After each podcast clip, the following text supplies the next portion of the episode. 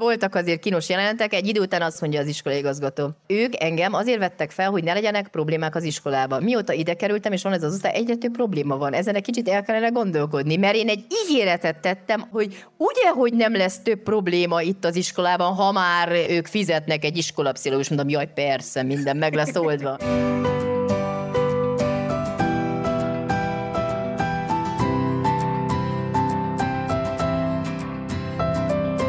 Sziasztok! Köszöntünk az És Boldogan Éltek podcastben, amelynek végéhez közeledik fesztivál különkiadás sorozata. Mozgalmas nyár mögöttünk, még mindig a Marosvásárhelyi Kultfesztiválról jelentkezünk különleges beszélgetésekkel. Ebben az adásban a pedagógus pálya, pszichológus pálya kevésbé ismert oldalát mutatjuk meg, amiről talán ritkábban mesélnek szakemberek. De aztán szó lesz itt egészen más jellegű humorról is, mert hogy a Kultfesztivál egyik utolsó pódium beszélgetésében, amit dr. Kálán Anna Máriával veszettünk, a vendégünk Dósa Zoltán erdélyi pszichológus, egyetemi docens és író volt a Sírversek Katasztrófa Költészet című kötet szerzője, aki különös formában kelti életre írásait többek közt erről is mesél majd ebben a podcastben, illetve arról, hogy ha lehet így fogalmazni, annával egyetemben, hogyan készül a pszichológus, milyen váratlan csavarokat, történeteket rejtesz a pálya, kivált képen a derűs oldalról megközelítve a dolgot, és ha úgy tetszik, akkor Karinti után szabadon ez olyan utazás a pszichológus elméje körül is lesz.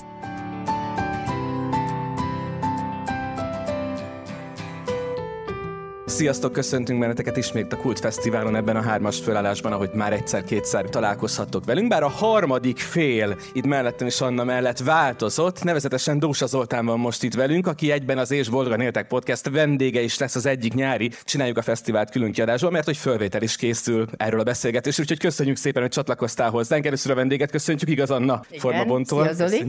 Sziasztok! És itt van velünk dr. Kádár Anna Mária, mint mindig az És Boldogan Éltek Podcastben, illetve a Kult Fesztivál színpadán, mind beszélgetőtárs, és mind a fesztivál, gondolom kicsit sem fáradt lelke, igaz így vasárnap délután négy órára. Pontosan. és ettől egy picit bőbeszédűbb lesz, mint amilyen szokott lenni a podcastben. Igen. és néha még talán a gyöngyöző kaca is fölharsan majd, mert hogy Zolit és Annát valami összeköti, az a terület köti össze, amin dolgoznak mindketten, ahogy a fesztiválnak is az a motto, hogy a történetek összekötnek. Anna azt mondta, hogy hát építsünk egy ilyen láncot ezekből a történetekből, hogy, hogy akiket most itt egymás mellett látok, hogyan kötődtek össze a történetek, és akkor Anna, honnan is indítjuk a láncot? Kalocsáról. Kalocsáról indítsuk a láncot? Ahonnan te jöttél. Hogy az első történet a tiéd lesz. Mert hogy a beszélgetés előtt pár perccel pont Zoli tette fel a kérdést, hogy egyébként ti hogy találkoztatok Annával. És mondta, hogy akkor azt meséljük el itt és most, hogy tényleg kezdjenek összeérni ezek a, fűzzük össze ezeket a láncszemeket. Mi úgy találkoztunk Annával, hogy én az Impulzív magazinnak is a munkatársa vagyok, írója, szerkesztője. Ez egyébként a reklámhelye több podcastünk fölvételéhez is technikai infrastruktúrát biztosított az Impulzív magazin, úgyhogy innen is köszi Panna, ha hallgatod ezt az adást majd. És az egyik tavaly előtti nyáron kért meg engem az Impulzív magazin főszerkesztője, hogy készítsünk egy beszélgetést dr. Kádár Anna Máriával, és a téma az legyen valami olyan, ami, ami nincs annyira gyakran kibeszélve, de biztos sokakat érint, és én akkor elkezdtem bújni az ő könyveit, és a Mesepszichológia 2 zöld könyv, ahogy mi azt emlegetni szoktuk, zöld könyvben találtam egy ilyen alcímet, talán vagy fejezett címet, hogy kényes gyereknevelési kérdések, vagy családi tabuk.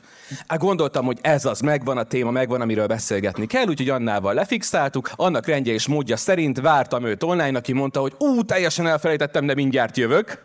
És aztán fölvettünk egy baromi jó beszélgetést. Amiből kettő lett, Amiből két kettő lett, két részben tudott megjelenni, mert úgy megszaladtunk vele. És egyszer csak jött egy e-mail Annától a megjelenés után nem sokkal, hogy, hogy nagyon élveztem a beszélgetést, nincs kedvet csinálni valamit közösen. Én meg tudjátok, a gyerek kalocsáról, aki a Kádár Anna Máriával beszélgethet, kap egy e-mailt, hogy én nekem lenne kedvem vele beszélgetni, velem valamit csinálni. Hát ez nem volt kérdés. Először nem is gondoltam, hogy komolyan gondolja. Aztán a Covid három hétre karanténba tett és ágynak döntött, és volt elég időnk lelevelezni, hogy akkor mi legyen ez a közös dolog, amit csinálni fogunk, és így született meg az És Boldogan Éltek podcast, ami egyébként tavaly január óta két hetente jelentkezik. Igen, és hogy miért is kértem meg Istvánt, mert hogy életemben ilyen felkészült újságíróval még nem találkoztam, mert ő rendszeresen nagy általánosságba kérdeznek, és miért fontos a mese? Mikor kell mesélni a gyereknek? Miért szereti a gyerek a mesét? Tényleg nagyon szereti? És a tanulságot sem kell kimondani, vagy nem tudom, vagy mindig így e körül forgolódott minden, és István, mint az igazi jó diák, látszott, olvasta könyvet, kijegyzetelte, gondolkodott rajta. Olyan kérdéseket tett fel, mint soha senki. Mondtam neki, István, ha az életbe egyszer podcastet fogok készíteni, akkor az veled lesz. És tényleg akkor én nem gondoltam, hogy pont most, de egyszer, mikor István rám ért, hát mondom, most nagyon nincs idő, most kezdtem el a Máté Gáboros képzést, emlékszel, angolul, ráadásul még angolul se tudok rendesen, és képzésre kell járnom, és angolul terápiáznom, de valahogy akkor meg István győzött meg, hogy figyelj, fogjunk neki, mi az, amit veszíthetünk, csináljuk meg. csak kezdjük el, igen, ugye egyszer csak kezdjük el, aztán És utána majd menni fog. Szobátán a Danubius Hotelben voltam, emlékszem, és tréning után felrohantam, és akkor vettük fel az első részt. Úgyhogy minket így kötnek össze a történetek. Kalócsán adtam elő, ott ismertem meg Istvánt, úgyhogy most István jött el Kalócsáról, ugye Marosvásárhelyre. Na és akkor Zoli. Kössük tovább a történetet, igen. Zoli, a te történeted Annával hogyan kötődött Hát össze? én fogalmam sincs, hogy hogy kezdődött. Vagy mi az, ami összeköt benneteket? Próbálok segíteni. A szakmán Az egyetemen? nyilván- Nem tudom. Hát az egyetemen ismertelek már, de hogy igazából, hogy hogy találkoztunk először, arra végképp nem emlékszem. Hát nekem a legemlékezetesebb találkozásunk az egy általam szervezett rendezvény volt, amit Székelyudvarhelyen futtattam, a Pszinkron. Tényleg. Volt igen. egy ilyen rendezvényem, amit sajnos aztán a Covid lefejezett, de nem ez a lényeg, hanem ott az első meghívottak között voltál, az egy nagyon jó beszélgetés volt. Annak az a lényege, hogy ilyen hangolódás a tudományra, a Magyar Tudomány Napja köré szervezzük, a, szerveztem akkoriban ezeket a beszélgetéseket, és ilyen megpróbáltam illusztris vendégeket hívni különböző tudományterületekről, és beszélünk olyan dolgokról, ami, ami igazából a tudományt érinti, mert végül is az én meglátásomban a tudósoknak nem csak ilyen izolált jelenségeket kell kutatniuk, hanem ö, ha valamit a közgondolkodásból, egy jelenséget, vagy bárhol észreveszünk a hétköznapokban, és azt megvizsgáljuk tudományosan, akkor azt vigyük is vissza a köztudatba. Tehát ez lett volna a lényege annak, és annak a, az eseménynek volt tehát az egyik első meghívottja. Tényleg, az, az mikor is volt jó rég? Már akkor együtt dolgoztunk? Együtt dolgoztunk, Együtt persze, dolgoztunk, igen. jócskán, Hát de... sok minden köt össze minket, akkreditációs dossziék, jó pár. Egyszer adtuk be az A4-es felmondásunkat az egyetem, biztattuk el, na gyere, menjünk ki, Igen. még be előtte, vagy én. Emlékszel? Írtuk, én másoltam rólad. Még soha nem írtam felmondást, úgyhogy lemásoltam Zoliról, hogy kell felmondást írni. Ja, én már voltam az előtt igen, ilyen helyzetben. Meg hát a legemlékezetesebb, ami nem szakmai, mert rengeteg szakmai történetünk van. Hát most két hete is voltam, ugye az általad szervezett, tizen, nem tudom, 16. vagy hányadik konferenciát szervezett? 12 csak. Igen, mert ugye egy ö, Bábes-Bolyai Tudományegyetem, ö, Pszichológiai és Neveléstudományok karának vagyunk a, az oktatói, ugye Zoli az udvarhelyi kirendeltségnek a vezetője, én itt dolgozom Marosvásárhelyen, és akkor persze hogy vannak rengeteg közös szakmai történetünk van, meg ugye ott voltam a védéseden, amikor az egyik oponens elaludt, és amikor... Az is, Tényleg? nem emlékszel? Nem. nem. tehát az egyik oponens így elaludt, tehát azon röhögtünk végig, és amikor így felébredt, elmondta véleményét a dolgozatodról, ameddig te bemutattad. Lényeg az, hogy nem Aztán te is el. elmeséltél rengeteg történetet, mindjárt utaztunk is együtt, röhögtünk is együtt, de az egyik, ami nem szakmai, lehet ezt már te rég is, el is felejtetted, de most kicsit át kell kódolnom a történetet, hogy senki ne legyen felismerhető. Lényeg az, hogy ülünk egy irodában, és van egy ö, ilyen szervezeti számítógép, és azon kerestünk valamit, és rábukkantunk egy albumra, amiben pikáns fotók voltak. Valaki a Ja, személyes igen, most egyből beugrott, fotótárát, igen. Igen. különböző ilyen bőrszerkós, ilyen ostoros, Korbácsos, korbácsos jelenetekkel letöltött. Tehát öt pszichológus egy helyen, abból négy nő, egy férfi. Meg kell, ezt meg kell nézzük mindenki. Zoli azt mondta, ő ilyeneket nem néz. Mondom, nem baj, Zoli, te állja az ajtónál, és leskelődjél, hogyha jön valaki szólj. Zoli így nézett vissza. Ti nem vagytok normális. Emlékszel erre a jelentre? most már, igen, igen. Aztán a végén te is odajöttél és megnézted, de csak egyet. Igen, nem hittem, hogy ennyire szórakoztató lehet. De szigorúan szakmai érdeklődés vonzott benneteket, ezt kiértékeltétek a képeket, megnézték ugye a dramaturgiáját a fotóknak és társai, igaz? Mi járhatott Azért- a fejében annak, aki készítette? Igen, hát Zolinak sem volt egyszerű száz nő között dolgozni, ugye az egyetemeken, meg most is hány, hány lány tanítasz hát, így évente? Körülbelül 250-en vannak. Van két fiú is. Igen. Már jó arány. Na de hát ö, végül is ennek nálam ö, hogy az életutamban nincs túl nagy jelentősége, mert ö, én 14 évesen már lányok közé kerültem, tanítóképzőt végeztem Székelyudvarhelyen, tehát ott is gyakorlatilag olyan 15-20 fiú voltunk, körülbelül 600 lány körében, Úgyhogy ez egyszerre volt áldás és átok is, mert hogy nyilván áldás volt, mert nem mostunk, nem vasaltunk, de hát emlékszem, amikor ilyen pedagógiai gyakorlatot végeztünk, volt egy gyakorlatvezető tanárunk, akinek mindig az volt a szokás, hogy ketten készültünk egy órára, és a szünetben, tehát az óra előtt szünetben mondta meg, hogy ki tanít. Ja, nyilván, hogy ez számomra nagyon kellemetlen volt, mivel hogy a csoportban egyedüli fiú voltam, mindig engem szúrt ki a tanító, vagy a tanár, ugye, tehát hogy nézzünk meg egy fiút is, hogy hogy tanít. És akkor volt azt hiszem, hogy 5-6 jegyem így a fél év végén, de bocsánat, akkor ilyen trimeszterek voltak, tehát az évharmad végén, és tudtam, hogy most már ha nem a társam tanít, nem tudja lezárni. És akkor én nem készültem az órára, elkértem a lecketervét, lemásoltam a matek lecketervét, annak rendje módja szerint, és amikor a szünetben a tanárnőnek el kellett dönteni, hogy tanít, azt mondta, hogy Zoltán, te tanítasz. Mondta, de tanárnéni van hat jegyem, csillának nincs egy se. Nem érdekel, te tanítasz. Na hát olyan órát tartottam, hogy hetes volt az átmenő jegy, és én négyes kaptam. Tehát a gyerekek, a negyedikes gyerekek, igen, a matek példákat fölírták a táblára, és én kijavítottam az összes jó példát elég ilyen sanyarú vége lett a dolognak, de mondom, tehát hogy ez a, ez a kevésbé kellemes fele volt a dolgoknak, de egyébként tényleg van gyakorlatom az ilyesmivel. Amiről még fogunk kérdezni, tehát fogunk beszélgetni, mert ugye úgy is hirdettük ezt a beszélgetést, hogy a pedagógiai, illetve a pszichológiai pályának az az oldal, amit talán kevésbé ismerünk. Ugyan a többek közt a podcastben is, meg tegnap itt a színpadon is több komoly dologról beszélgettünk már. Van ennek a pályának egy szórakoztató oldala is, ugye ahogy Anna az előbb például mondta, amikor elkészült fotókat elemez, nem feltétlen szakmai szemmel a pszichológus, vagy hogy készül a pszichológus, és én egy kicsit ezt a mesdjét szerettem volna ennek a beszélgetésnek szállni, hogy akkor Karinti után szabadon a pszichológus koponyája körül hogyan készül a pszichológus, utazzunk egyet. Tehát menjünk vissza a tyúkhoz meg a tojáshoz. Te például úgy tudom, hogy régis szerettél volna lenni, még Ez igaz, tanárnak igen. álltál. Na hát, hogy lett ebből tanári Hát pálya? lebeszéltek a szüleim egyszerűen. Miért? Tehát, hát azért, mert 82-be kellett nekem iskolát választanom, és azt mondták, hogy ugye nem akarsz te dák leletek sírköveket turkálni egész életedbe. Inkább Tehát... sírkövekre és szőverseket. Hát igen, most már végig, végig csak visszakerültem a régiségekhez, ez igaz, de hogy akkor édesanyám sugallatára, aki pedagógus volt, ugye, tehát a pedagógusi pályát választottam, és ott volt már pszichológus képzés. Egyébként egyetemi szinten akkor már nem volt, mert 1977-től betiltották a szakot itt Romániába, és nekem az a tantár nagyon tetszett. Tehát olyan jó voltam belőle, hogy a pszichológia tan tanárnőm egyszer adott négyest és tízest a rögtönzésemre. A négyes az bukójegy, nekem Aha. mondom, igen. Mert hogy azt mondta, hogy jó fej gyerek vagyok, csak nem tanulok semmit, és ezért, ezért a négyes, ugye a tízes meg azért, amiket írtam, és érdekelt a pszichológia, de hát igazából az emberek érdekeltek. Nem vagyok egy nagyon ember szerető pszichológus, tehát ja, azt sem mondom, hogy mizantróp. Tehát... Igen, azt sem mondom, hogy mizantróp, de az emberek érdekelnek mindenképpen. És Anna, veled beszélgettünk már korábban arról, hogy gyerekkor sok minden előkerült, de konkrétan az még egy beszélgetésben sem, hogy te például hogy kerültél a pályára. Ugye én is tanítóképzőt végeztem, öt évet annak idején, és amikor el kellett dönteni, hogy akkor pedagógusként dolgozol le, vagy tovább tanulsz, akkor benne még mindig nem született meg a döntés, mert ugye szerettem tanítani is, de azt is tudtam, hogy egy egész életutat nem tudok úgy elképzelni, hogy csak tanítóként dolgozhassak.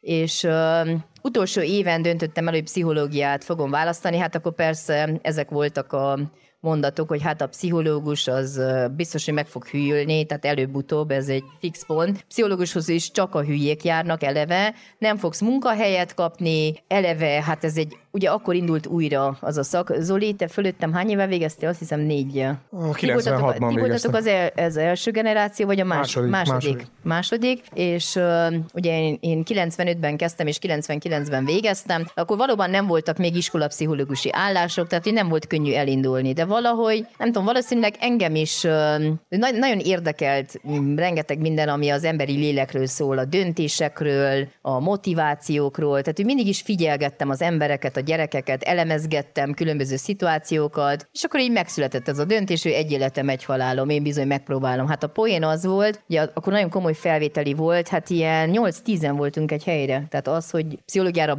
bejutni, tehát egy év kemény tanulás volt tényleg, és a felvételi nap napján derült ki, hogy én pedagógiából is vizsgázhattam volna, mert én azt így nem olvastam el, és akkor megtanultam az anató, a 11-es anatómiát. Hát az Fú, hát egy orvosnőhöz jártam órára, és szerintem életemben annyira stresszes nem voltam, de nagyon-nagyon jó volt, mert ugye amikor neurofiziológiát kellett tanuljuk elsőben, szerintem abból semmit nem értettem volna, hogyha nem lett volna meg az az első lépés, és így kerültem akkor én a pszichológusi pályámra, és hát így történt az, hogy akkor én a mesékből írtam az államvizsga dolgozatomat, hát akkor az is egy ilyen nagy eretnekség volt, mert senki nem, ír, nem mert ilyenekről írni, de hogy azért is hálás vagyok, hogy igazából így kötődött össze a, hát a mese meg a pszichológia az életemben. Azt beszéltük, hogy fogjuk meg ezt a témát, pszichológus lét, tanár lét, pedagógia, ugye a dolog humoros oldaláról. Tehát mondjuk olyan helyzetek, amikor mondjuk ez akár ment, vagy amikor átkeretez helyzeteket a humor, ilyenek az életetekből esztetekbe jutnak el praxisotokból. Ja, Nyilván hát, beazonosíthatatlan módon. Hát figyelj, el tudok mesélni olyan történetet, ami Hajrá. számomra tényleg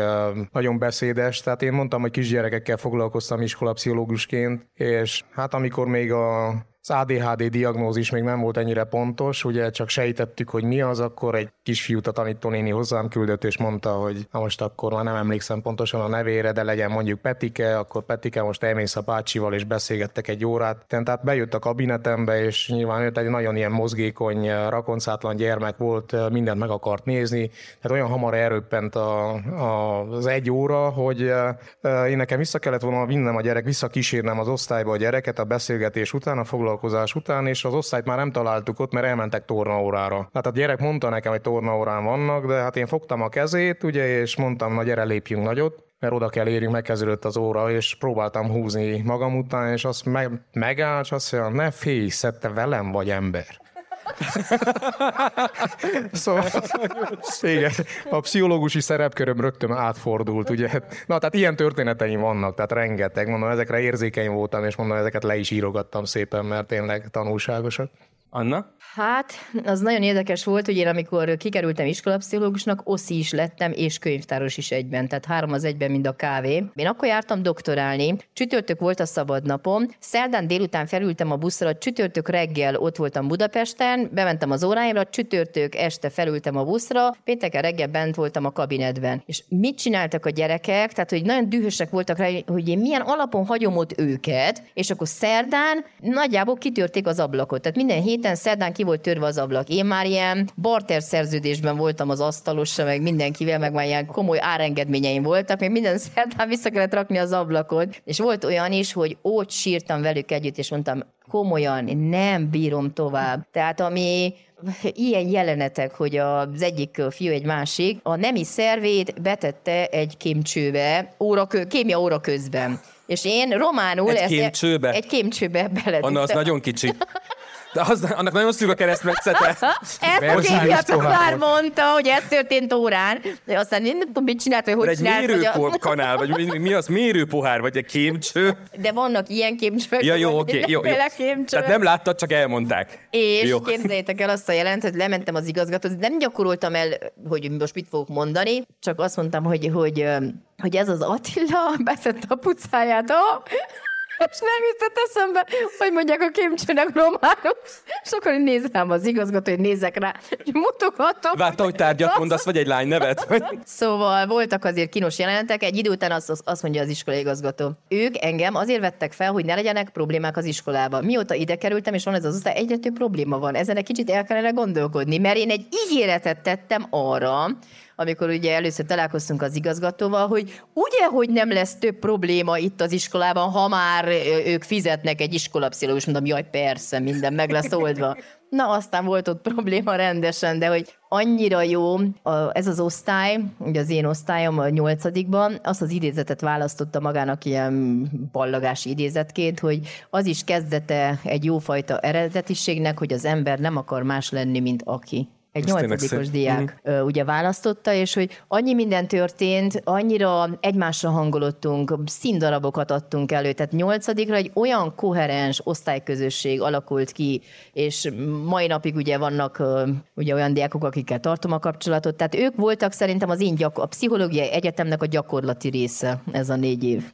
És látom, hogy Szoli közben emelte a mikrofont. Igen, van két rövid történetem nekem is még tanítókoromból, ugye mert én gyakorló tanítóbácsi is voltam, 19-20 évesen, hogy hát a közelben lévő elementelként kezdtem a karrieremet, és uh, volt egy kisfiú az osztályunkban, aki szószoros értelmében a juhok mellett szocializálódott, tehát juhász gyermek volt, és onnan hozták be az iskolába, tehát igazából az embereket alig ismerte. És szünetben meg tudtam őt kérni, hogy hamar tegye ki az osztályt a, a teremből, akkor kirúgdosta a kicsi gumicsizmájával a gyerekeket onnan egy-kettőre.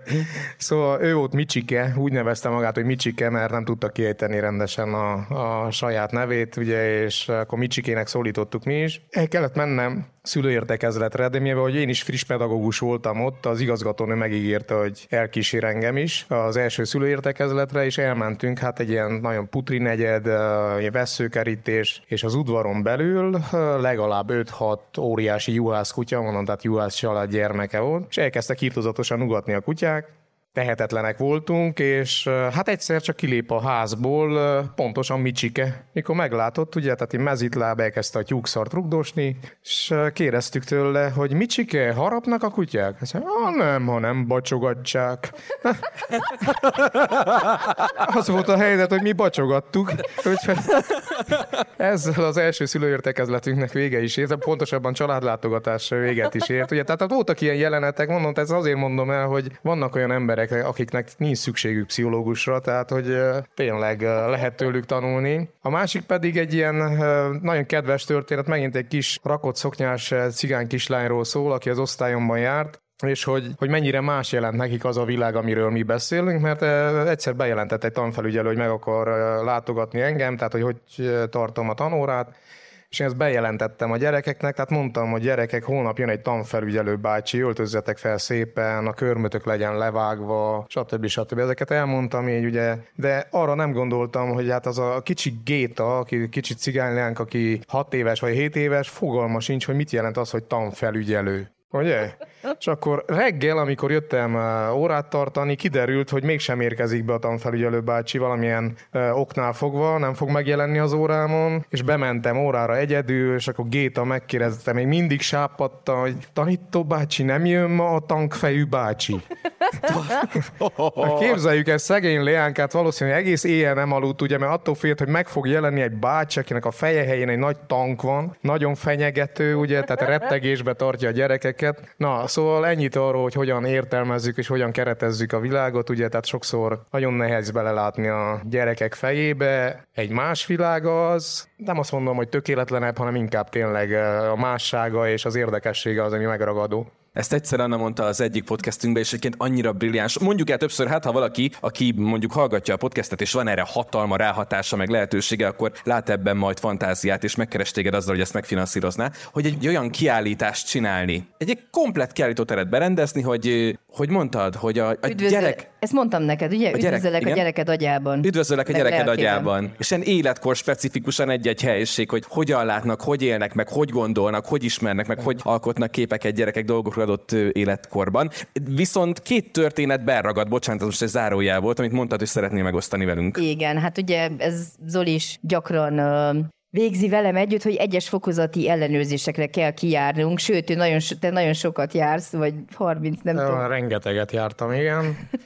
igen, ott, tehát ott is van rengeteg történet. Igen, na, ott onnan akarok elmondani kettőt. Az egyik történet, Ludasra kellett mennünk talán. De lényeg az, hogy 8 órakor kezdődött az óra, uh, 7 órakor már el kellett indulnunk, ehhez nekem már fél hétkor fel kellett kelnem, és én ugye nem a koránkelésemről vagyok híres, fú, tehát nagyon-nagyon fáradt voltam, és uh, belépünk a, az osztályba, rám néznek a gyerekek, és megkérdezi az egyik is tanítónénitől, hogy tanítónéni, ez a néni kínai? Mert én amikor reggel felkelek, akkor olyan csik szemeim vannak, és úgy mentem be tanfelügyelőként, ugye az ilyen fokozati ellenőrzésre, és a másik, az szintén itt történt, szerintem Dózsa György községben, egy tanítónéniből óvónéni lett, és úgy látszott is, hogy, hogy ő nem igazán van otthon a gyerek életkori sajátosságaiban, mert egy ilyen március 15-i ilyen nagyon hát ilyen ünnepélyes, megemlékezős délután akar tervezni, csak hogy a gyerekek annak felét nem értették, ami ott történt. Lényeg az, hogy felteszi ezt a kérdést, na és akkor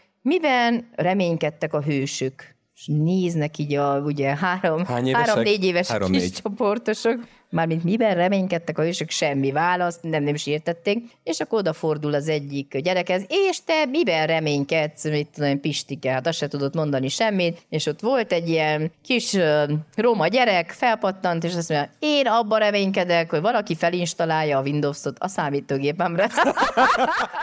Ez annyira jó volt. Nagyon jó, hogy ehhez fűződő rövid De ma is sokan reménykedünk, amikor jönnek a frissítések. Igen, hogy hegy a holló, holló és a róka mese, és tanítónéni ugye olvassa, gyönyörű, szépen hangsúlyoz minden, tehát a mese teljesen rendben van, a végén megkérdezné, hogy na mi a tanulság. Hátul a kicsi cigány gyerek a hátsó padban, az kurva róka. kurva róka, igen. Úgyhogy a tanulság esetben egybefoglalva az egész. Nagyon röviden. És közelítünk ugye ahhoz a pontjához a beszélgetésnek, azt mondtuk, egy kicsit erről is ejtsünk szót, aztán megyünk majd szépen át a bástyába, és ott a, a helyszínen meg is lehet nézni ezt a dolgot. Ugye humor. A humor és a, a fekete, illetve abszurd humor, ami tőled azért nem áll távol. Igaz, Zoli? Aki már járt a bástyában hát és megnézte nem. az ő kiállítását, a, a sírköves kiállítást, az már körülbelül sejti, miről beszélünk, aki nem, majd átbalagunk és megnézzük együtt. De mielőtt átmennénk, kérlek, mesélj nekem erről a különleges elképzelésről, hogy sírverseket fogok írni.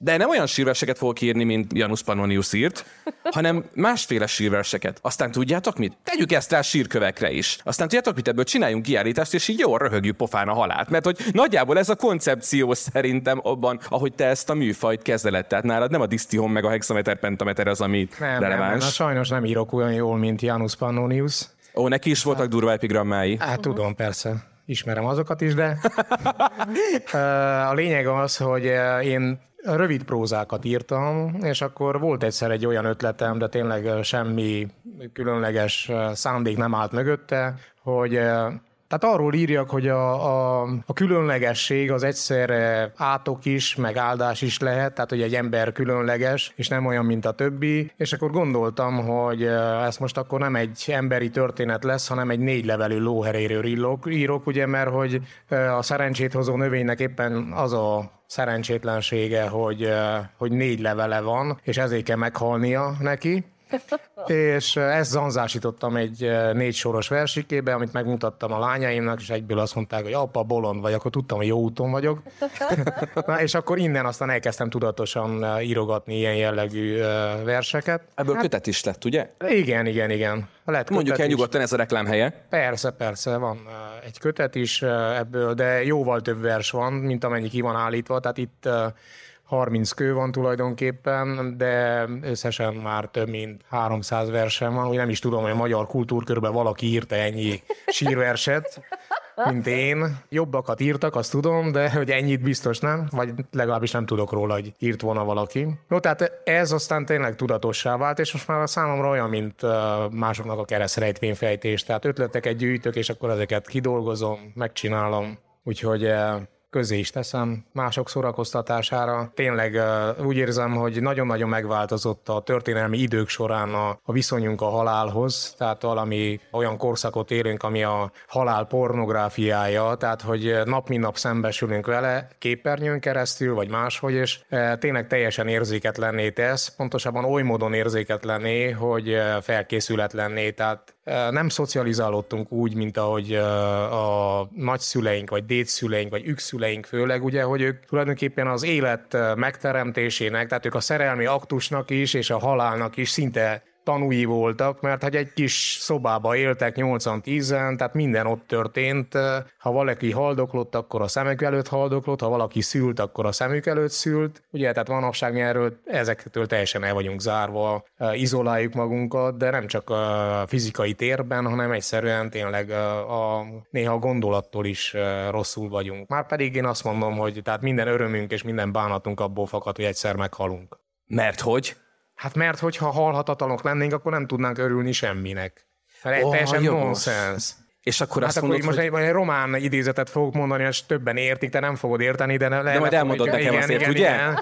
A Luciáferubo Nemuritor Sirécsé, ugye? Tehát aha, ezt aha, kimondja, aha. igen, tehát halhatatlan és hideg, ugye? Tehát halhatatlan és hideg. Tulajdonképpen, ha belegondolunk, tényleg, tehát azért vannak érzelmeink, azért vannak attitűdjeink, mert hogy szeretnénk megközelíteni azt, ami számunkra kedvező, szeretnénk elkerülni mindazt, ami kellemetlen, tehát ilyen értelemben azt hiszem, hogy ez egy bölcs megfogalmazás, hogy tényleg az örömeink és a bánataink abból fakadnak, hogy egyszer meghalunk. Tehát az örömeink is, ez nagyon fontos. És ez vezetett ahhoz, hogy akkor azt mondta, hogy gyúrjuk össze ezt a két koncepciót, hogy oké, okay, halál és humor. Tehát akkor legyen ez egy, egy humoros tükör, vagy egy humoros hát, rátekintés. Én eléggé fogékony vagyok az ilyen abszurd irodalomra. Ezeket a történeteket, ugye, tehát ezeket el lehet úgy is adni, hogy az ember egy picit tényleg elgondolkodjon rajta, de ugyanakkor kihasználni azt is, hogy van egy tényleg varázslatos magyar nyelvünk, amin nagyon sok mindent lehet úgy megfogalmazni, hogy három-négy mondatban regényeket helyettesítsünk vele. Tehát ez, ez egy fantasztikus lehetőség, tehát nagyon jó eszköz a magyar nyelvhez. Most éppen néhány sírversem román fordítás alatt van, kíváncsi vagyok, hogy milyen lesz. Tehát nagyon-nagyon kíváncsi vagyok. Egy profi tolmács és fordító vállalata, hogy lefordít néhányat. Egyelőre türelmesen várom, hogy milyen lesz az eredmény. Láttam már Esperanto nyelven, azok egész jók, csak hát azt nagyon kevesen értik, úgyhogy ha lesz, akkor viszont elhatároztam, még tovább lépek a kiállításon is, akkor csinálok valahol egy temetőt, tényleg. Egy látogatható temetőt, igen. Mert hogy ez a kiállítás, ez ahogy néztem, Magyarországon is több állomást járt már meg, most itt is. A Debrecenben volt. Debrecenben volt, mint, na, akkor lehet, hogy, lehet, hogy rossz összekevertem. Nem volt Vácon. Nekem Pécsrém lett, mint a Pécsről olvastam, hogy nem volt még, akkor nem. Nem, de nem baj, ha úgy tudjátok. De hadd, hadd menjen, hát ha valaki hallja és meghívja majd oda. Hadd menjen. Egyébként azt mondtad, hogy van több mint 300 vers, körülbelül hány darab van most így, ilyen formában, úgymond sírkőre álmodva, hogy megnézhetjük Mondtam, itt? 30 van. 30, 30 igen, ha átsétálunk a bástyába, akkor megtekintetek. Még egy olyan kérdésem lenne, hogy ha jól lettem, akkor ezeket a közösségi oldalon is előszeretettel osztogatod, meg egy-egy ilyen szösszenetet. Így van. Így van. Tehát megéri esetleg ott is nézegetni, hogy mi minden ihlet meg, vagy mi jár a fejedben. Rendben, Sztori. Hát akkor nagyon-nagyon szépen köszönjük, hogy megosztottad velünk a történeteidet, illetve nagyon-nagyon szépen köszönjük, hogy itt voltál vendég beszélgető társként ebben az Ésboldogan éltek fesztivál külön kiadásban. Dr. Kádár Anna Máriával, mint mindig. Köszönjük szépen a nézőinknek, meg a hallgatóinknak is, és hát kell készítsünk néhány fotót, hogy a hallgatóknak is tudjuk mellékletben, csatolmányban elküldeni a sírveseket. Én már csináltam párat. Igen? Jó, a kedvenceim már megvannak. És mondd el István, te is, hogy a kislányod mit mondott a tegnap. A kislányom? Igen. Igen, igen, igen. Neki háromszor föl kellett olvasni a WC kefe haláláról szóló sírverset. A szarélet az rögtön ment neki, azt azonnal megjegyezte, hogy szaréletem volt ezért, hogy van pontosan? Nem tudom idézni saját. el kell a olvasni, lényeg, át kell lényeg, sétálni, és el kell WC kefe sírfelirat a szarélete volt, ezt megunta, a szeméttelépre került, ahol összejött egy talán botmixer nyéllel, vagy egy valami hasonlóval. És azóta boldog. Habverővel. Igen.